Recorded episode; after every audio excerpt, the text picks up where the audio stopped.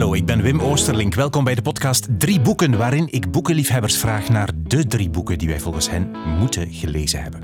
Vandaag is mijn gast muzikant en tv-presentator Jan Leijers. Jan Leijers is 62 jaar, bekend van de groep Soul Sisters samen met Paul Michiels en van verschillende programma's op televisie. Hij presenteerde onder meer Nachtwacht op Canvas, De Weg naar het Avondland, Allah in Europa en het boekenprogramma Iets met Boeken. Jan Leijers heeft vier bekende dochters. Ella, Olga, Billy en Doreen, van wie de jongste Olga mij welkom heette op de oprit van het huis van de familie in Hoven. Jan en ik gingen zitten aan een tuintafel en hij vertelde over hoe zijn vrouw eigenlijk meer leest dan hijzelf. Over muziek, vooral de muziek van het jaar 1971, en dat heeft met een van zijn keuzeboeken te maken. En hoe hij de schrijver van een van zijn drie boeken ooit tegenkwam op de fiets. Ik vroeg hem ook naar zijn bibliotheek, want ik had gehoord of gezien dat hij een speciaal systeem heeft om zijn boeken te bewaren. En dat blijkt dus te kloppen. Straks alles daarover. Alle info over de boeken die je hoort in deze podcast vind je op de website wimoosterlink.be. Daar heb ik een lijstje gemaakt onder het kopje podcast drie boeken. En dan nu veel luisterplezier met de drie boeken die je moet gelezen hebben, volgens Jan Leijers. De eerste vraag waar ik ook het langst over nagedacht heb, was niet welke boeken, maar het concept boeken waarvan je vindt dat iedereen die moet gelezen hebben. Daar zit eigenlijk iets heel dictatoriaal, Arrogant. aanmatigends in. Zijn er boeken waarvan ik vind dat iedereen ze moet gelezen? Ik zou dat al nooit zo zeggen. Dus als dat zo onder een foto staat, met onze twee glunderende gezichten en drie boeken, zo van dit zijn de drie boeken die Jan Leijers vindt dat je moet gelezen hebben, dan voel ik me zo de... Ja, zo die leraar in de vierdes die je niet graag zag binnenkomen, want dan boom die over. Ik kan wel zeggen welke boeken dat ik zelf, voor mezelf, onmisbaar vind. En, maar ik ga geen uh, dictaten opleggen of zo. Opleggen aan de mensen, dus geen verplichting. Maar wel een uh, gezonde... Nee, vooral ook, kijk, vooral ook omdat een boek is iets anders in de handen van elke lezer. Uh, je zou kunnen zeggen, en zelfs met landschappen, bon, die veranderen niet echt of zo. Je kunt zeggen, oké, de piramides zijn de piramides. En als ik zeg van iedereen zou de piramides eens moeten gezien hebben, wat ik niet vind in het want je ziet ze eigenlijk, al die dingen zie je veel beter in een documentaire, in een goed gefilmde documentaire in HD dan in het echt. Want in het echt zullen zien, hangt er dan nevel die een ochtend of, uh, of loopt er te veel volk door beeld. Uh, maar bon, een landschap is een beetje relatief wat het is. Maar een boek, ja, je leest een boek en je, je creëert eigenlijk mee het boek. Dus wat mensen van een boek maken en uit een boek halen. Ik hoor dikwijls mensen over een boek dat ik zeg van, dat is een ander boek of zo dat jij gelezen hebt. Ik, ik, heb dat, ik heb er iets helemaal anders in gelezen. Daarom dat is het concept, ik vind dat iedereen dit zou moeten gelezen hebben. Um, mij niet, niet helemaal spoort met, met ja. uh, mijn levensgevoel. Blij dat je toch wil meedoen. jij, hebt, jij bent een van de mensen die ooit inderdaad een boekenprogramma op televisie uh, gepresenteerd ja. hebben heeft. Um, dat is een soort... Uh, dat is zo'n rare fetish voor boekenliefhebbers of zo. Het, het, het, boekenprogramma op televisie. Hoe was dat om dat te doen? Dat, is, dat was deels VPRO, deels Canvas samen een samenwerking? Ja, het was een uh, co-productie van de Canvas en, Canvas en VPRO. En ik presenteerde het ook met uh, een Nederlander, Leon Verdonschot. Hele sympathieke, fantastisch aangename mens. Uh, groot muziekliefhebber ook, muziekkenner. Heeft ook maakt ook radio. Is een uh, totale Bruce Springsteen-fanaat. Hij zou nooit kunnen zijn met een vrouw die geen fan is van Bruce Springsteen. Heeft voordeel van de duidelijkheid wel. Dus dames, als u een oogje hebt op Leon Verdonschot, uh, begin dan met Thunder Road, zou ik zeggen. En uh, build it from there.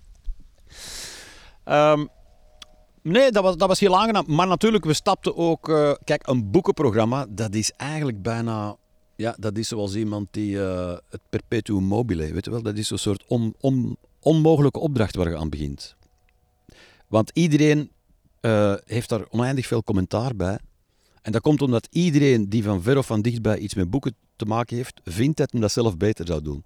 En dat hangt dan weer samen met wat ik net vertel over hoe elk boek in de handen van iemand anders iets anders wordt. En dat iedereen ook overtuigd is dat hij daar de juiste versie van maakt, van dat boek.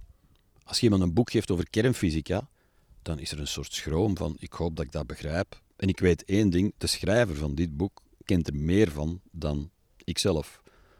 Maar als je aan een roman begint, vooral de romans dan, die toch altijd over het leven gaan in een van zijn facetten, elke mens vindt dat hij het leven het beste kent.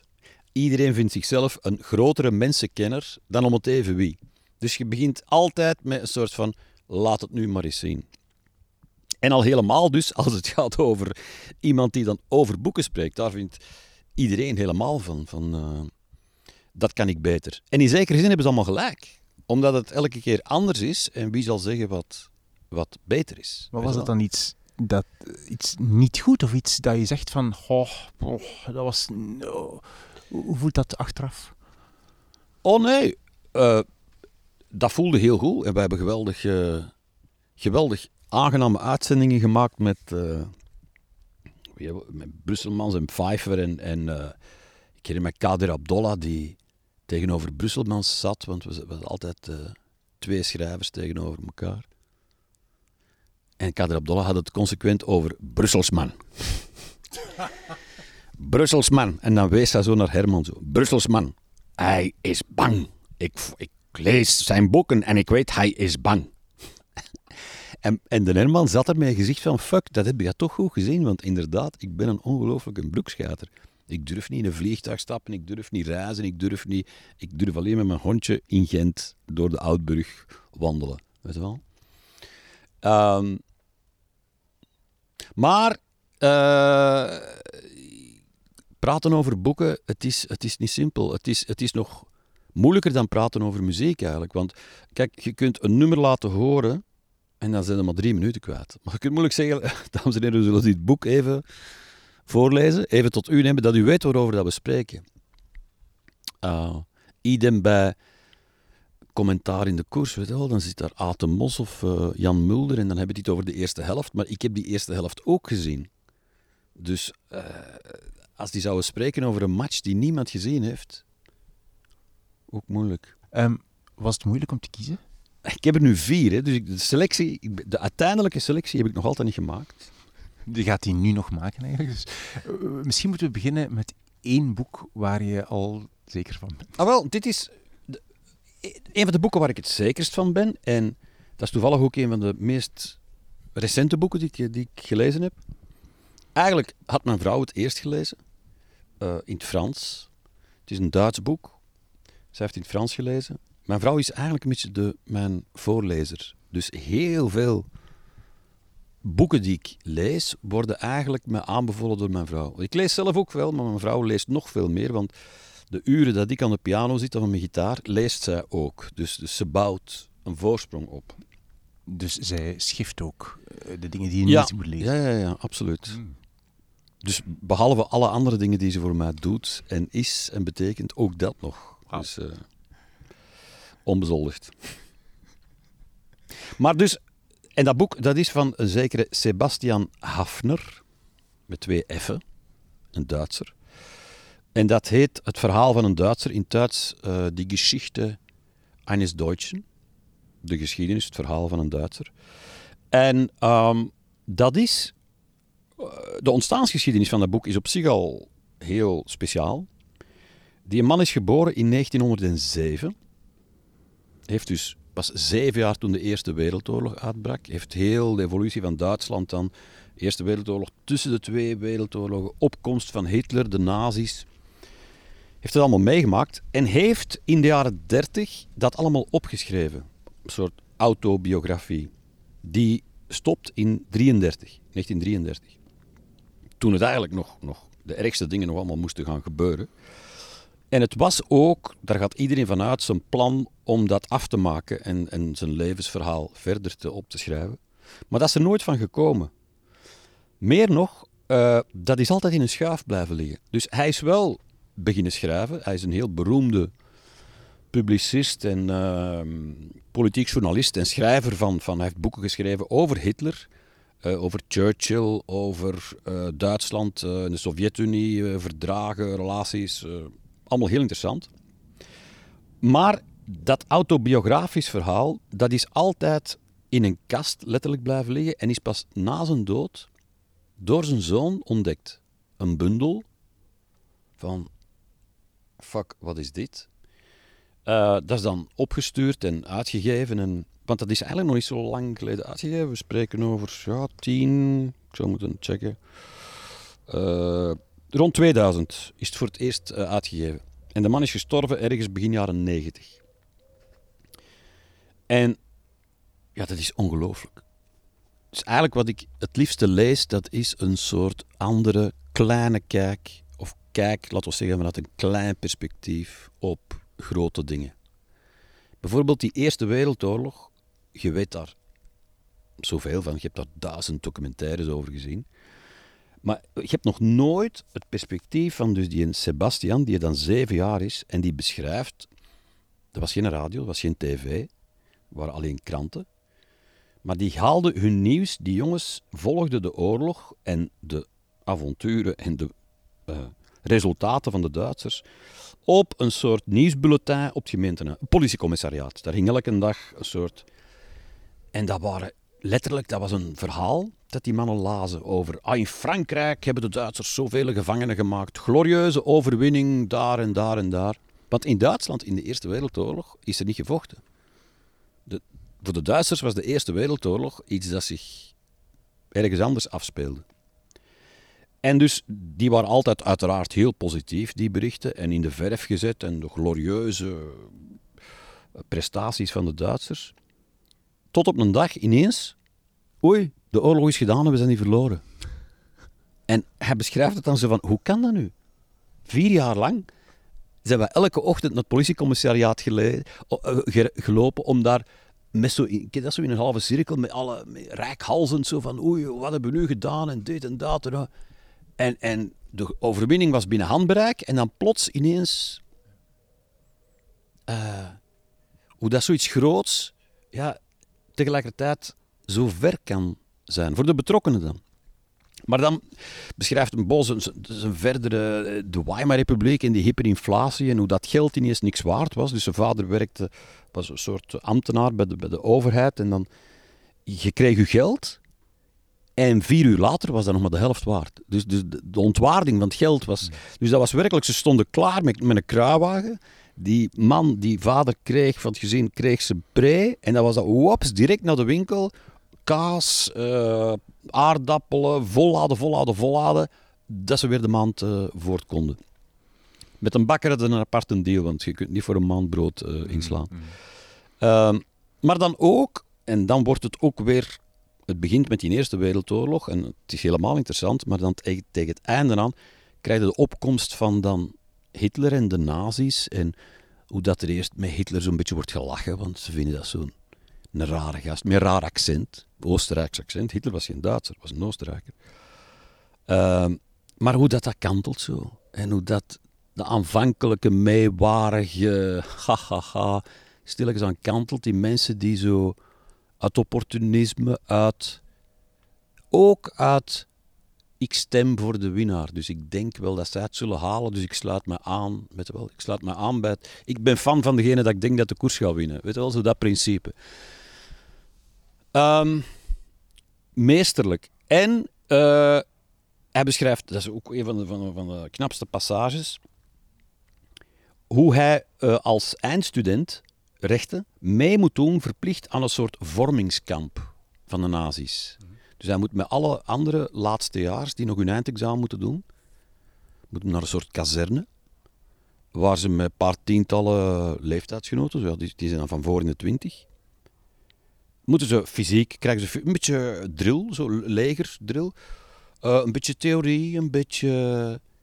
En hij zegt, en hoe snel dat je daar voelt dat je eigen mening en je eigen individualiteit eigenlijk wegkrimpt en ruimte en plaats maakt voor een soort collectief denken. En hij trekt dat heel ver, want eigenlijk maakt hem zelfs zo de, de camaraderie problematiseert hij eigenlijk. Namelijk in alle omstandigheden, als je zo met een groep, en ik herken dat eigenlijk, want als je zelf op mijn eigen reizen, als je zo met vijf man in een busje zit, dan zit er na een week eigenlijk een soort één, een soort, niet, niet één lichaam en één geest, maar je voelt toch dat er een soort ja, opgaan in een geheel is, waarvan hij zegt dat is gevaarlijk en dat moeten altijd vermijden. Maar waar- waarvan ik uit ervaring weet, ja, maar toch heeft dat ook iets heel comfortabels. Weet je wel, dat die verantwoordelijkheid om niet zelf alleen op alle vragen te moeten antwoorden, dat, dat je u kunt laten opgaan in een soort groter geheel dat de antwoorden voorziet. Bij een godsdienst is dat precies hetzelfde. Als je naar de mis gaat of naar de moskee, moet jij niet in je eentje een antwoord verzinnen. Nee, die zijn er en die worden door iedereen collectief in dezelfde woorden gemurmeld of gezongen of ge... Enfin, er zit zoveel vlees en het is niet dik. Hè. Dus, want je zou denken van, amai, eh, maar, maar die boek is eh, ja, geen 300 bladzijden. Staan Maar, eh, zie ik daar nu aantekeningen staan? Doe je, Ja, vroeger was ik daar, gebruikte ik altijd potlood, dat, maar, maar je gomt dat natuurlijk nooit uit. Dus ik ben een, ik ben een onbeschroomde aanstreper en ik zet een cirkeltje op de bladzijde. Interessante passages. Zo. Ja, ja, soms zet ik er zo, als ik het grappig vind, dan zet ik daar zo eh, een, een lachje bij. Zo dezelfde, degene, als ik, als ik 29 per uur uit, degene die dan zo smilet als je hoven binnenrijdt, dan die, Ja, ja. ja, die zet ik er dan in, de- in de kantlijn bij. Zeg, je zegt dat jouw vrouw dit boek gelezen heeft in het Frans. Lees je zelf soms, want dit is de Nederlandse versie, zie ik. Omdat ik niet aan de Duitse snel geraakt ben. In, in principe lees ik Duits ook in Duits. Jij ik, lees leest in het Duits. ja, ik lees de talen in, in, in hun taal. Welke talen? Duits, Nederlands, Eh, Engels? Frans, Engels en Spaans. Spaans ook? Ja. In het oorspronkelijk? Ja, in, in het oorspronkelijk Spaans. En, en gaat dat vlot? Feitelijk wel, ja. Ja. Ik heb eigenlijk eh, niet zo lang geleden eh, Spaans geleerd, eigenlijk. Ik- eigenlijk met, toen ik eh, voor Arm en Rijk moesten we naar L.A., waar ik wist dat, dat we heel veel Mexicanen en Zuid-Amerikanen zouden, Latino's zouden, die, die sowieso Spaans spreken. En we zouden ook naar Cuba gaan. Ik dacht van, oké, dan leer ik nu Spaans. En dan ben ik daar een totale freak in. Hoezo? Ja, dan, dan bestaat er gewoon niks anders. Dan ben ik daar tien uur per dag mee bezig en dan is dat er zo vroeger ingedrild van woordenlijsten ehm, van buiten leren en, en, en ja, gewoon... En ja, goed. ehm, Want het is nog wel een verschil tussen een taal kunnen spreken tegen mensen in L.A. en een roman lezen in die taal. Hè? Ja, eh, nee, ja, dat is zo. Maar eh, ik zal u zeggen hoe ver dat, dat mijn... Allee, ik, ik ben een totale freak in, hè. dat is een beetje een outing. Hè. Maar wat ik dan doe, ik lees een boek in Spaans. Eh, ik, ik zoek de woorden op die ik niet versta. Dat boek is uit. Ik begin er direct opnieuw aan. ik lees dat boek direct opnieuw. en dan echt- merk je gewoon van, fuck ja.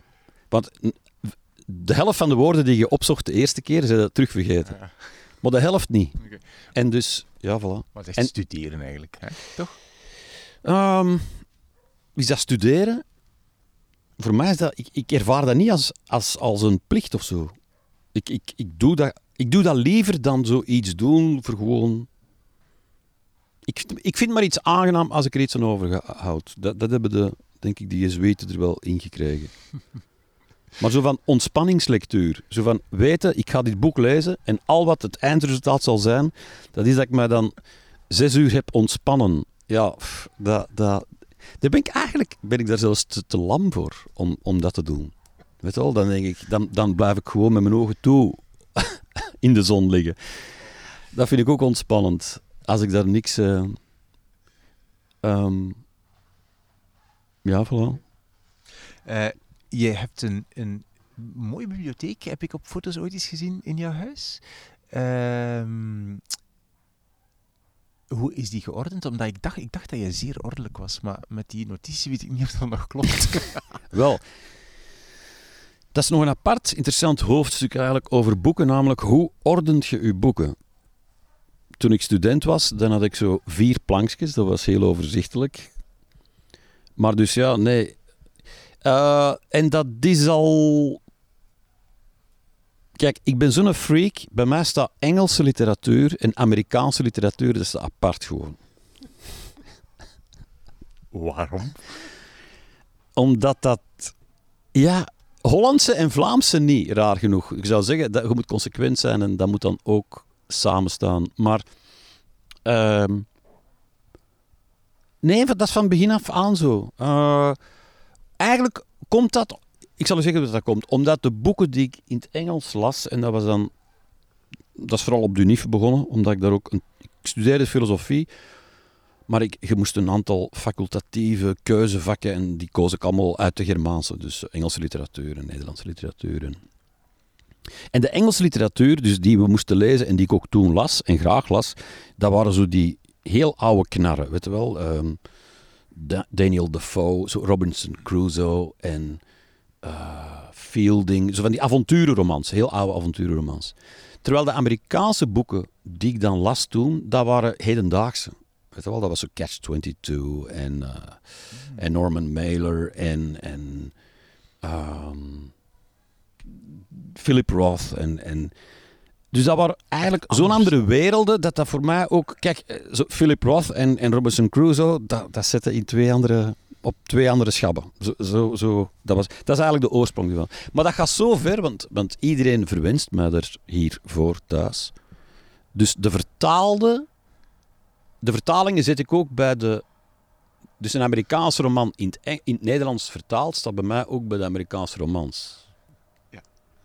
Terwijl... Eh, dus je moet eigenlijk, eigenlijk moet het de identiteitskaart van de schrijver gezien hebben om te weten waar je bij mij een boek moet zoeken. Daar komt het eigenlijk op neer. En soms sta ik dan met een boek in mijn handen en denk ik van, bijvoorbeeld Nabokov, dat is dan de Rus die Amerikaan geworden is. Ja, ja, in het Engels. Die heeft al op verschillende planken gestaan. En dan denk ik van, staat hij er nu eigenlijk wel juist? Nee, ik kan toch, nee, ik kan toch daar zitten. Nee, ik kan toch daar zitten. Het is totaal ik besef dat ik hier nu al mijn afwijkingen aan het uh, prijsgeven ben.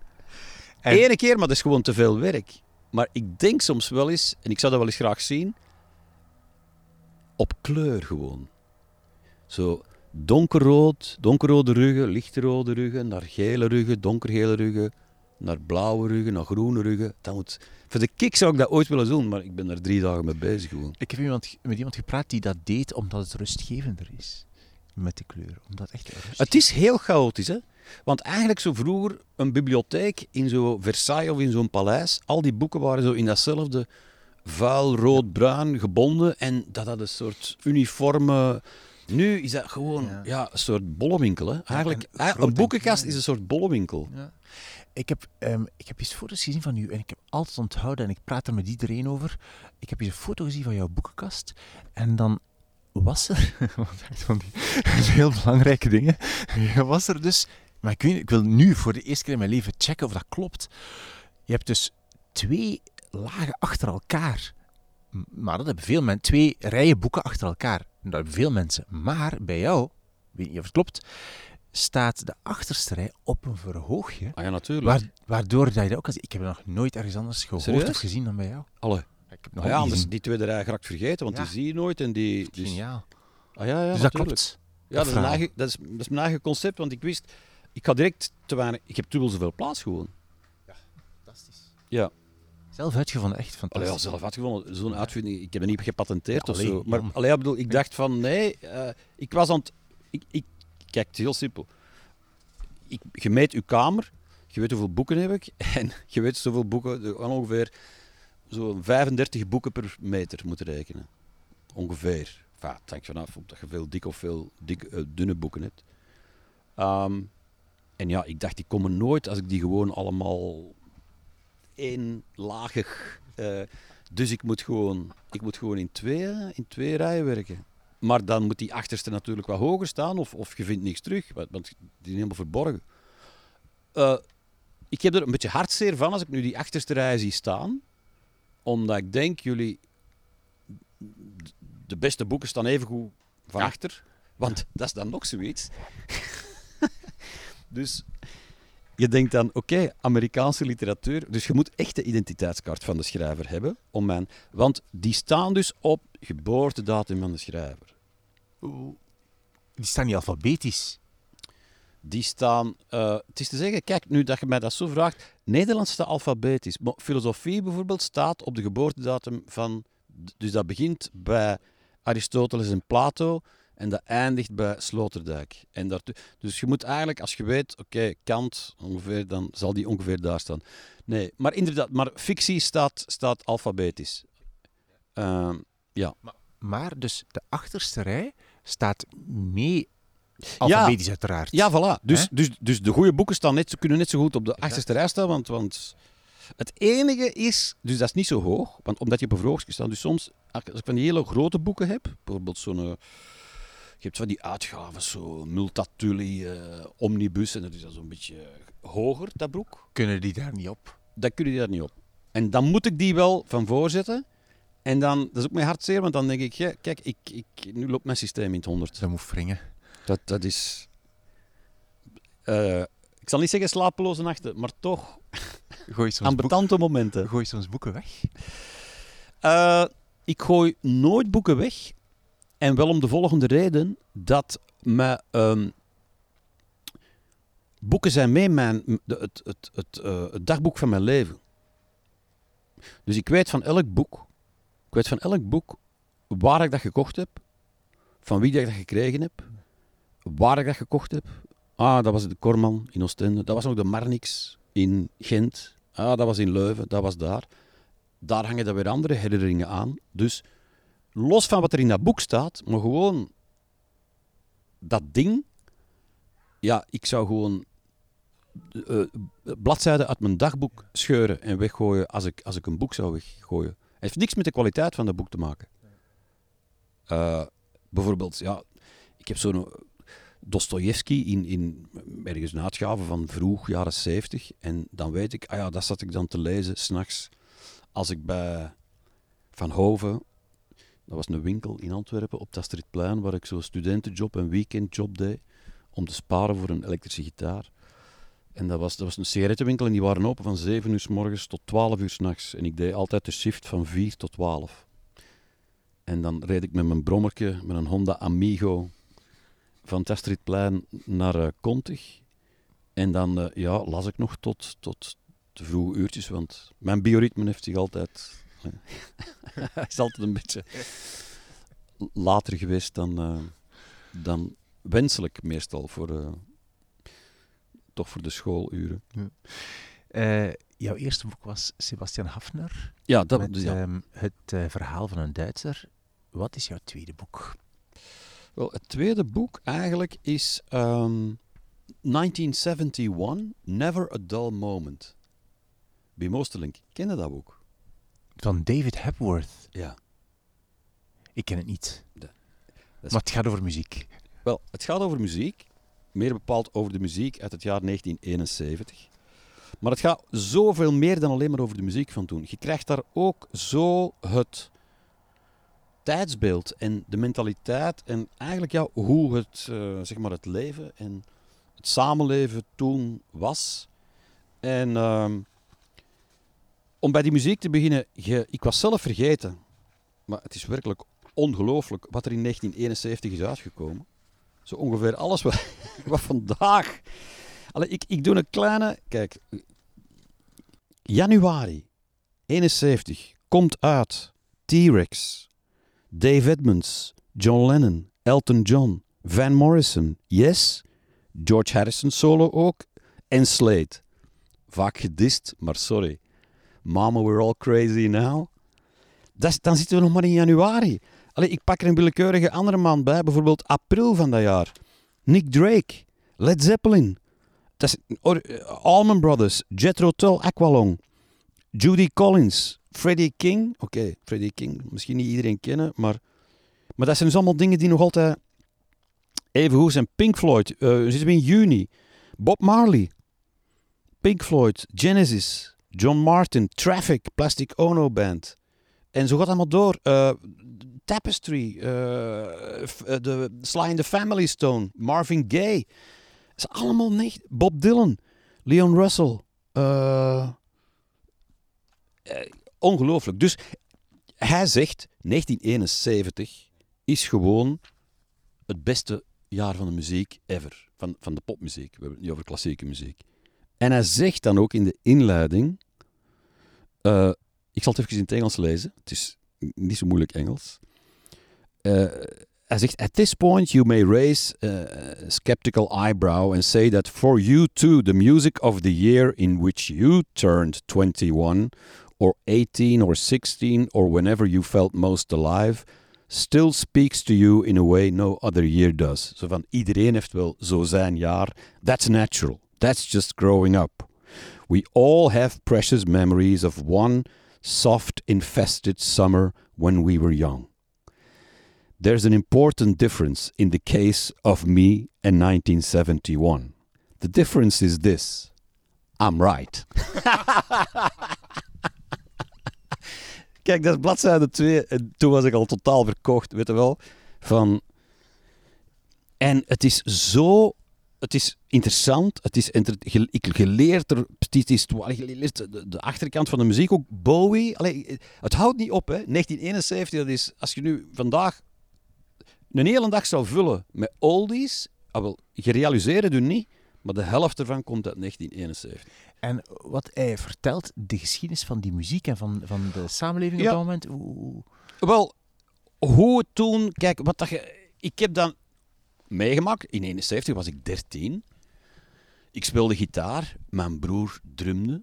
Uh, niet veel later, ik denk dat 72, 72 of 73, deden wij onze eerste optredens. En dat was heel vergelijkbaar in die zin alles moest nog, alles moest nog uitgevonden worden. Weet je wel? Een PA, ja, dat bestond zo net wel, net niet, weet je wel. Dat was... Dat, dat had allemaal zo'n karakter van, goh, we kunnen misschien... Nu is alle, alles is professioneel, weet je wel. Van de Duitse schepers tot de draaideuren, tot de bandjes, lichtgeel, donkergeel, oranje, bonnetjes, dit. Allee, ik bedoel, als je het VIP-dorp van een festival, ik moet dan altijd denken, zo denk ik, je ziet zo een, een Amerikaanse compound in Afghanistan. Dat is zo, weet wel, dat is best te vergelijken met het VIP-dorp van rockfestival vandaag. Dat is trouwens helemaal, want dat loopt er dan ook vol met Amerikaans sprekende gasten in Bermuda's, met tattoos die zo gelijk onderofficieren, zo, ja, yeah, die schuiven aan aan zo'n keuken, echt leger. Dus dat... Wim, dat was allemaal niet. Dat was van, oké, we zitten hier zo op podium en dan... Als je nu naar Woodstock kijkt, die film, het amateurisme. Die gasten dachten dat ze professioneel bezig waren, maar het amateurisme dat ervan afstraalt. Maar dat maakt het juist zo, zo tof. Dingen zijn altijd op hun tofst terwijl dat ze uitgevonden worden. Terwijl dat het Terwijl, dat no, zo, ja, terwijl dan nog altijd niet iedereen eigenlijk goed weet wat hem aan het doen is. Eens dat iedereen echt weet wat hem aan het doen is en het efficiënt en zo. Maar je vindt, dat, fun, je vindt het echt jammer dat dat, dan is de fun weg. niet meer is. Ja. ja. Uh, nu, zolang dat ik dat jammer vind, kunnen we denken dat is een oude zak die terug wil naar 1971. Maar mijn jongste dochter, die zag een reportage op Holland over het pop, hoe heet het weer, in ook 73 denk ik. Heb je zo, is een popfestival gehad in, tegen Utrecht. En daar waren ineens uh, in een sporthal uh, de Who en de Eagles en de Rod Stewart en, en, en mijn dochter, mijn jongste dochter, dus Olga, zat er nog te kijken en, en die werd er gewoon onpasselijk van. Van hoe gemoedelijk, hoe, je wel, mensen vertellen dan ook van uh, uh, vrouwen die toen als meisje daar waren en nu oude Hollandse dames zijn, die zeiden, nou ja, toen liep ik met mijn vriendin naar Rod Stewart en toen uh, vroegen we een handtekening en, en ik dacht van, vandaag naar iemand lopen op, op een festival. Mijn broer geraakt zelfs niet bij mij. Mijn broer raakt zelfs niet bij mij. Dat is echt waar. Ik, zelfs in een cultureel centrum zeg ik, Stefan, kom achteraf even een dag zeggen. En dan belt hij Sander dag. Ik heb geprobeerd, maar ik kon niet door, ik mocht niet door. Die deur was vast, mijn bandje was dit, dat. Verstaat Dat... En dit boek fascineert jou daarom, omdat het teruggaat naar een periode waarin iets wat voor jou heel belangrijk is, namelijk muziek, waarin dat, dat, ja, nee, dat vooral, ontstaan Ja, maar vooral ook natuurlijk omdat het is zo briljant geschreven uh, ik heb het bij momenten werkelijk opzij moeten leggen van het lachen. Uh, ik ga nu nog één ding. Je moet weten, de groep Yes, ja, de jonge luisteraar zal dat misschien niet zeggen. Hè? Yes, symfonische rock. Heel ingewikkeld, met zo dat verwisselde van drie vierden of vier vierden en, dan weer rap en solo's van een kwartier en ingewikkeld. En... Dus hij schrijft over Yes dat die dus waren begonnen in 1968 met uh, coverversies te, te maken van onder andere van Every Little Thing van de Beatles hebben ze, hebben ze een coverversie. En hij schrijft hem Then they had moved on to their own compositions all of which involved a bewildering number of notes where Slade aspired to simplicity Yes craved complexity. Their records were full of alarming stops and starts, unaccompanied choral pieces that would lurch without warning into breakneck instrumental gallops, subsections indicated by Latin numerals that begged to be compared to Tchaikovsky, and lyrics that had to be celestial poetry because they clearly made no earthly sense. ja, meer moet dat voor meer moet dat voor eigenlijk. Ja, en zo is dat heel een boek door. Never a dull moment. never, never a dull moment. David Hepworth met uh, Never a dull moment 1971. Wat, wat is jouw derde boek? Ja, dus dat ik het niet weet. Moet je nu nog kiezen? Ja. Ja, je moet moeten kiezen. Hè. Wel, oké, dan pak ik... Uh... Wat, zeg eens welke je niet pakt. Ja, ik, ik, ik heb ook het maar ik heb er zoveel nog vast gehad. Ik heb ook hier William Dalrymple. Um, een Brit, From the Holy Mountain. Dat is uit de jaren 90. Dat is een reisboek, een reisverslag. Lijvig. Dat is een reis uh, door het Midden-Oosten. Op zoek naar, laten we zeggen, de toestand, de situatie van de christenen in het Midden-Oosten vandaag. Wetende dat, eh, dat het Midden-Oosten helemaal 100% christelijk was voor de komst van de islam. En dus hij heeft zich gebaseerd op het reisverslag van een oude Byzantijnse monnik, Johannes Moschus. Ik hoop dat ik dat juist uitspreek. Die heeft in de jaren 500 een lange reis gemaakt. En in de voetsporen van die Johannes, die Byzantijnse monnik, maakt William Dalrymple die reis door Turkije, Libanon, Egypte, uh, Jordanië, ja, zeg maar het Midden-Oosten. Op zoek naar kloosters, christelijke gemeenschappen die, en hoe die daar vandaag uh, zich staande houden, in veel gevallen. Mhm. De kopten bijvoorbeeld in Egypte. Uh, dat is een beetje mijn, mijn brevier eigenlijk. Ik heb me vroeger altijd afgevraagd, die pastoors die daar weer in die brevier, in die... Wat staat daarin?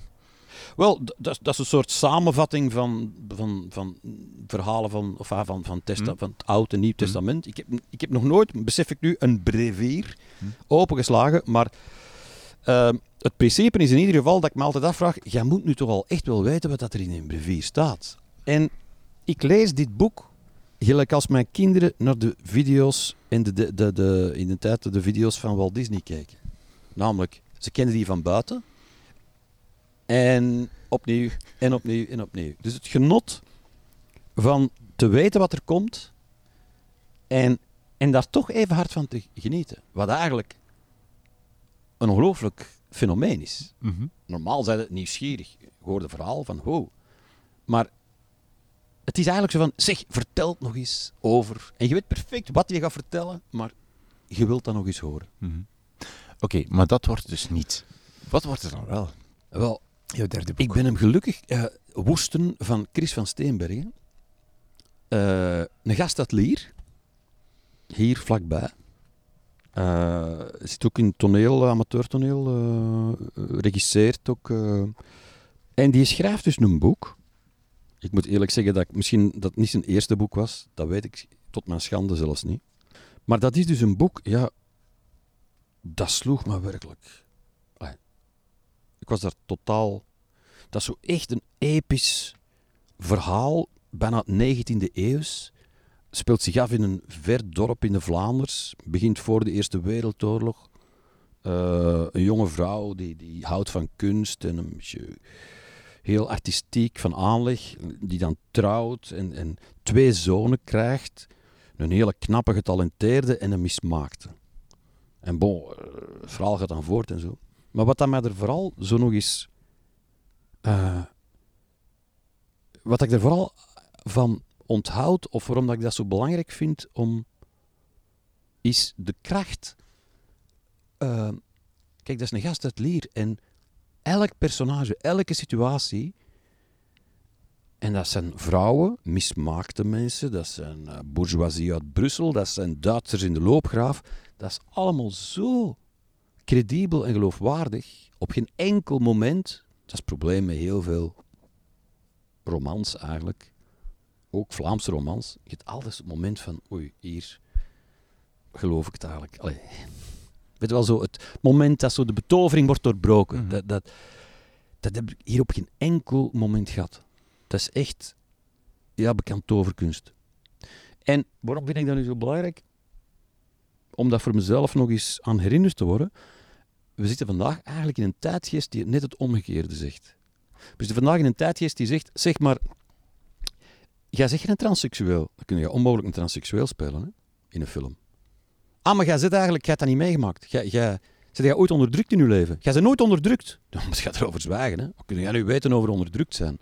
Wel, je moet zoiets woesten lezen en dan wordt er opnieuw aan herinnerd dat het wezen van literatuur en ook van theater, dat dat scheppen is. Dat dat net iets portretteren, iets neerzetten, wat je zelf niet zei. Je kunt zeggen, je haalt altijd elementen en gevoelens zijn bij iedereen hetzelfde. Oké, maar op, op, geloofwaardige manier een Duitse piot uit in, in 1917 in een loopgraaf. Ik, ik nodig u uit. Eh, en, wel, en dus Chris van Steenbergen bewijst, it can be done. En daarom vind ik dat zo'n belangrijk boek eigenlijk. Want we zijn echt niet meer ver. Kijk, eh, een tijd geleden was er een Vlaams gezelschap. Die speelde een stuk, die ging naar een festival in Groot-Brittannië, ik denk in Edinburgh. En in dat stuk zit er iemand in een rolstoel. Ja, dat kon niet, hè. Dat moest een echte gehandicapte zijn die dat speelde. Je mag zo een gezonde mens in een rolstoel spelen. Dan denk ik, ja, waar eindigt dat? Oliver Twist, kunnen. Ja, maar uw hoofdrol, de Oliver, die zijn vader leeft nog. Hoe kan die nu ooit een wees neerzetten? Dus je kunt alleen echte wezen Oliver Twist laten spelen. Om nog te zwijgen van het feit, ja... Richard III. Ja. Wie kan dat spelen in België? Filip, koning Filip. Die weet wat het is om... Ja, nee, versta je? Maar hoe... Dat is totale... Je lacht nu en dat is totale onzin. Maar het is niet om te Ja, lachen. ja. Want dat wordt nu... Oh, serieus genomen. Ik, ik weet zeker dat niemand anders... Als je zegt van, wat hebben we aan woest te onthouden? Dat niemand anders zegt wel dat dat eigenlijk totaal oneigentijds is. Ja. Dat dat eigenlijk bijna niet meer mag. Namelijk iets weergeven wat je zelf niet zei. Er wordt letterlijk gezegd, als je, je moet zwijgen over iets wat je zelf niet hebt meegemaakt. Ja. En het wezen van toneel, het wezen van een roman, toneel nog meer voor de acteur, is toch gewoon doen alsof dat je iemand zei die je in technisch zat. Als je opkomt als koning Arthur, dan, dan zegt toch niemand, maar nee jongen, ga doe mijn boekhouding. Dat is de Norbert, dat is helemaal koning Arthur niet. Ja, maar gelacht, maar Zwaar. Eh, maar ver- vertel eens, ik- ken jij Chris van Steenbergen zelf? Nou, je spreekt van Lier en van... Ook weer mijn vrouw beter, want die zit in die amateurtoneelgroep. Maar ik ben nu gelukkig... eh, in het begin van de lockdown, dan gingen we fietsen. En dan, kwam, dan eh, kruisten we in Lier, op een buitenwegje, een jogger met een meisje op de fiets. En ik herkende, ik, wist, ik zag niet wie dat, was. En we verder en mijn vrouw zegt, zeg je weet ook wie dat, dat was? Ik zeg nee, ah wel, dat was nu Chris van Steenbergen. Ik zeg, het is niet waar. ik ben teruggereden om, eh, om te zeggen, ja, beste Chris van Steenbergen... eh, eh, ik vind uw boek fantastisch. Allee, ik weet niet wat ik het zo gezegd heb, maar daar kwam het wel op neer. Ja. Ja. Was hij blij? Hij was op zijn Vlaams onwennig, sympathiek. Eh, wat moet ik hierop zeggen? Ja, gelijk als je gewoon zegt, ja, wat, wat moet je daarop zeggen, weet je wel? Ja. Ehm, jij, jouw, jouw, de drie boeken die je gekozen hebt, zijn eigenlijk alle drie historisch. Hè? Ook de, het vierde van Dalrymple hoort er eigenlijk ook bij. Eh, het zijn allemaal historische, ge- historisch gegronde boeken. Boeken die zich afspelen in het verleden. Hè? Is dat, eh, lees je ook soms boeken die niet zo historisch gegrond zijn? Ehm goeie vraag eigenlijk. Ehm, ja, eh, ja. Eh, allee, maar, maar niet. eh, Kijk, fictie is sowieso al altijd. Tenzij dat je een boek over hoe dat dementen nu worden. Of. of eh, fictie is, is al gauw historisch. Hè? Nee? Nee.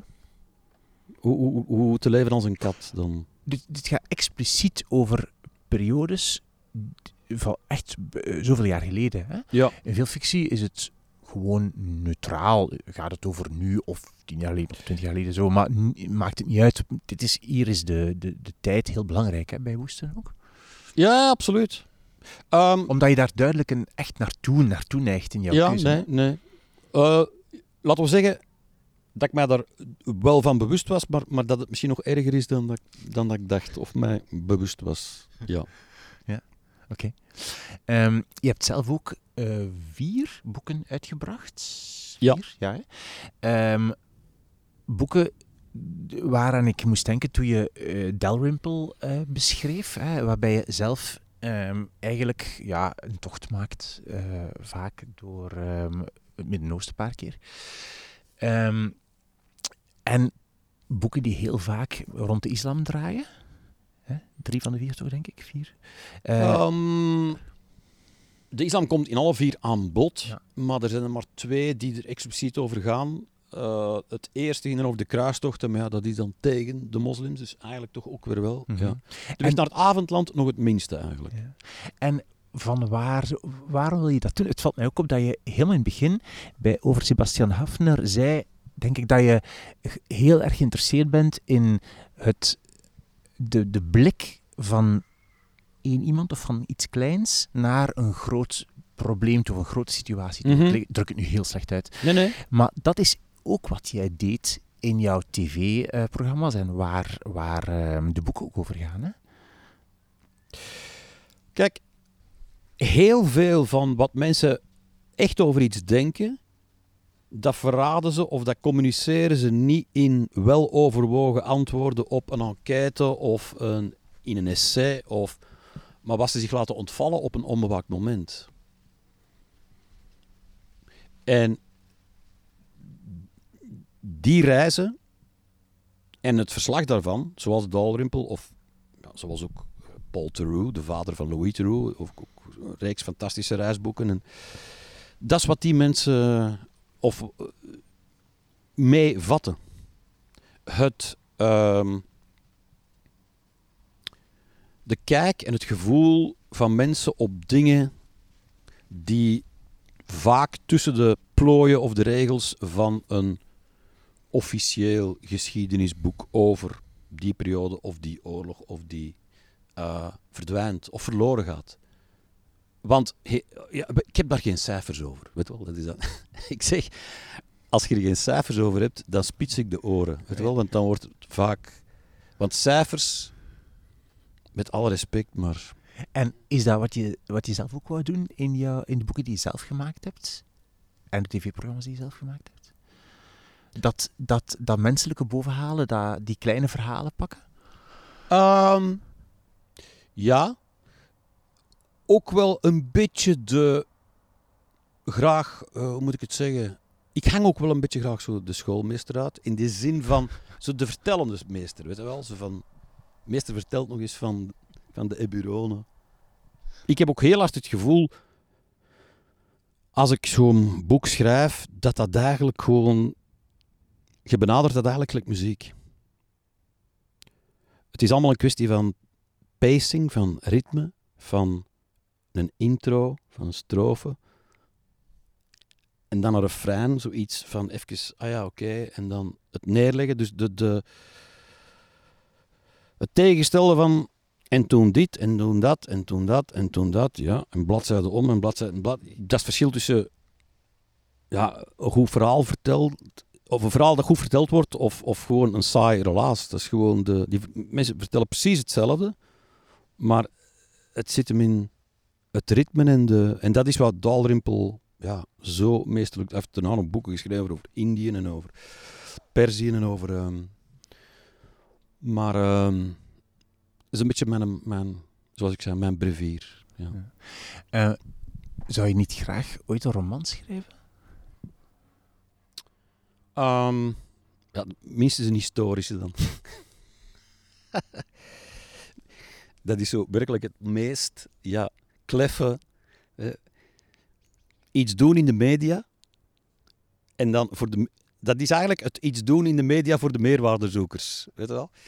Voor de, de, mis, voor de misverkiezingsdeelnemers is dat ik wil, ik wil iets doen in de media. En de meerwaardezoekers die. Ja, ik wil ooit een. eh, mijn roman. eh, omdat namelijk iedereen, of zo goed als iedereen, ook er echt van overtuigd is dat hem dat echt zou kunnen. Weet je wel?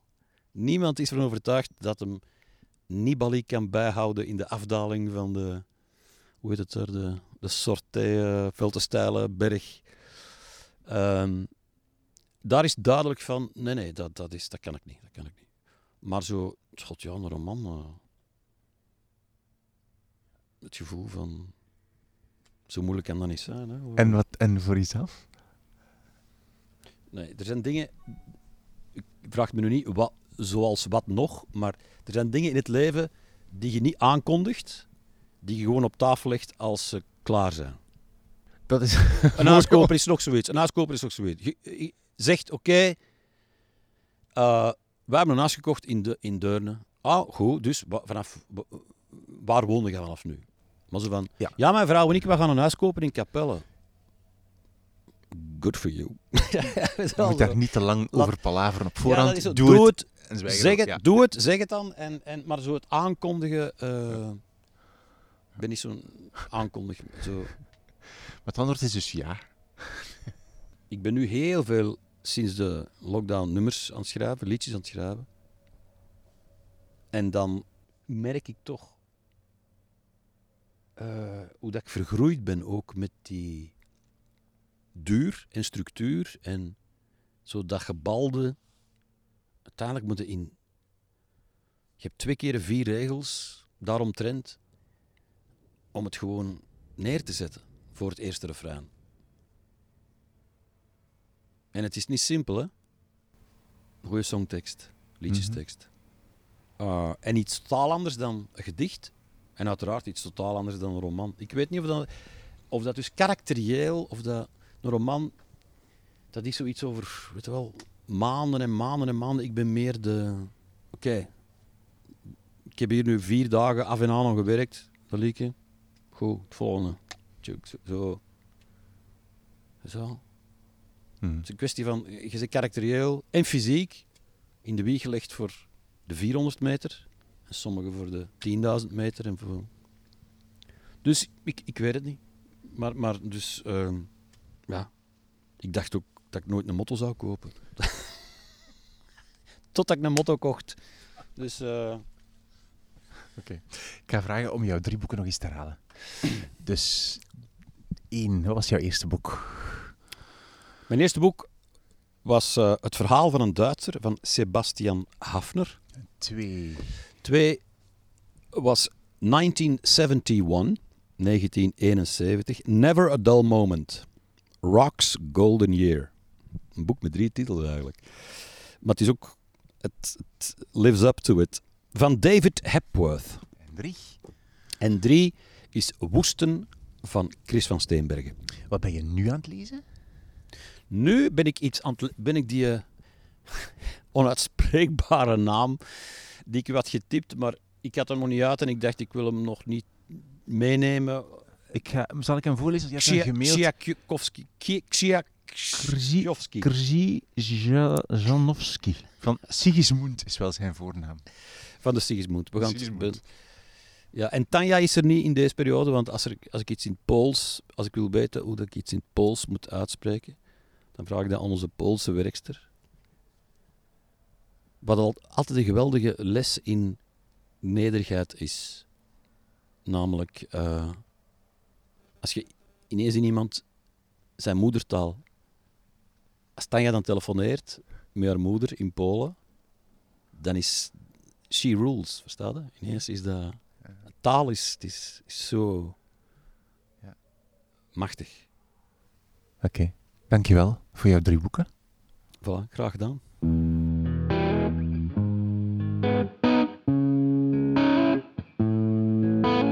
Zo, dit was mijn gesprek met Jan Leijers. Alle info over de boeken en de auteurs die je hoorde in deze aflevering staat op de website wimoosterlink.be in een mooi lijstje onder het kopje podcast. Drie boeken zoek naar Jan Leijers. Bedankt om te luisteren naar deze aflevering. Als je mij een plezier wilt doen, laat dan vandaag of morgen aan twee vrienden of vriendinnen weten dat ze ook eens naar deze podcast moeten luisteren en hoe ze dat moeten doen op hun smartphone bijvoorbeeld hoe dat precies werkt. Veel mensen weten dat nog niet, dus help hen even op weg. Dankjewel, je doet daar hen en ook mij een groot plezier mee. Dankjewel voor het luisteren en tot de volgende keer.